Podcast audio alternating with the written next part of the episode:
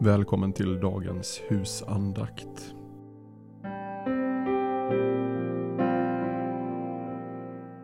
Den 9 januari. Här finns ingen skillnad. Alla har syndat och saknar härligheten från Gud. Romarbrevet 3, 22 och 23. Hur ska jag förstå detta? Det är uppenbart att det är stor skillnad. Den ene lever fritt i sina synder. Den andra är noga med sitt liv varje dag. Lägg märke till vad frågan gäller.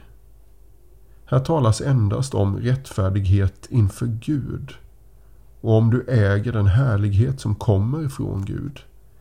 Det är endast i detta avseende som olikheterna försvinner.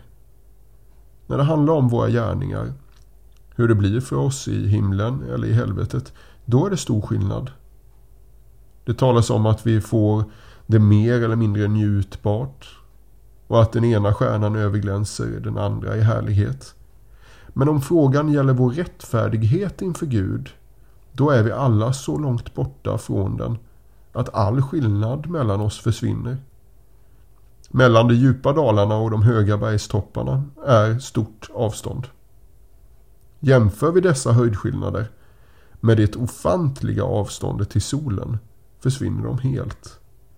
Här finns ingen skillnad. Det är stor skillnad mellan människor om man från en mänsklig horisont ser på synd och ogudaktighet, på Guds fruktan och goda gärningar. Både den bäste och den sämste är så långt från Guds rättfärdighet och helighet att avståndet är oändligt. Ingen är värdig att bli medborgare i himlen eftersom alla har syndat. Tänk dig ett fängelse fullt med grova brottslingar, mördare och rånare som alla är dödsdömda. Dessa bråkar nu med varandra om vem som är mest värdig att sitta till bords med kungen. Hur ska man objektivt se på deras värdighet? Jo, ni är alla värda avrättningsplatsen och inget annat. Här finns ingen skillnad. Precis så är det när vi talar om våra meriter och vår rättfärdighet inför Gud. Vi är alla stora brottslingar som dagligen bryter mot Guds heliga lag. De mest helgade och allvarliga kristna måste be om förlåtelse alla dagar och erkänna att det endast är värda Guds vrede om man skulle döma dem efter sin lag. Då finns det sådana som tycker sig vara bättre än andra. De inbillar sig att de genom nådens medel, genom mycket bön, tro, vaksamhet och allvar kommit så långt på helgelsens väg att de inte bör jämföras med andra skröpliga kristna utan är ett särskilt heligt släkte. Dessa har lurats av djävulen. Om de vore vakna över sin situation skulle de instämma i kung Davids bön. Gå ej till doms med din tjänare, för inför dig är ingen levande rättfärdig. Saltaren 143.2 de oomvända människornas bästa gärningar är inget annat än synd och hyckleri. De står inte i ett rätt förhållande till Gud. De saknar både tro och kärlek. Skillnaden mellan dem kan vara stor. Några kan vara moraliskt förträffliga och respekterade medborgare i samhället som noga uppfyller sina yttre plikter. De kan till och med brinna av iver för Guds rike men utan sann insikt. De arbetar för att göra sig själva rättfärdiga. Andra är fräcka föraktare som lever öppet i synd och skam. Finns det ingen skillnad mellan dessa? Nej. De står alla under samma Guds dom och behöver samma nåd.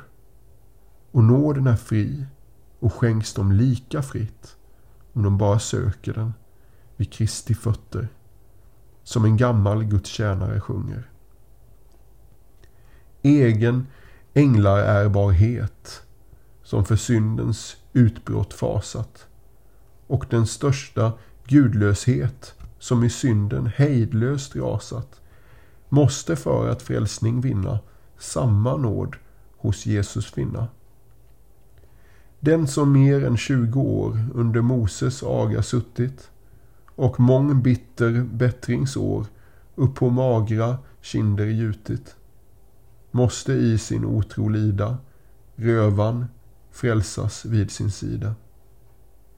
Den som här med verk och ord sig på Herrens barn försyndat, liksom den som Kristi jord jämt till hjälp och bistånd skyndat, måste inför Herren ligga och om samma nåd blott tigga. Salig den som då går fram och på nåden dristigt vågar och alena med Guds lam sig i denna sak befrågar. För det är för alla skrivet att den sonen har, han har livet.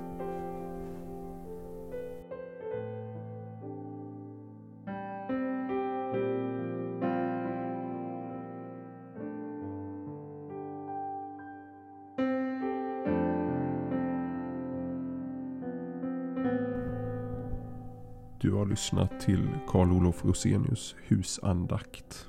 Betraktelser för varje dag ett helt år. Med mig, Jakob Stille, som inläsare. Husandaktboken ges ut av BV Förlag och kan köpas på www.bvforlag.se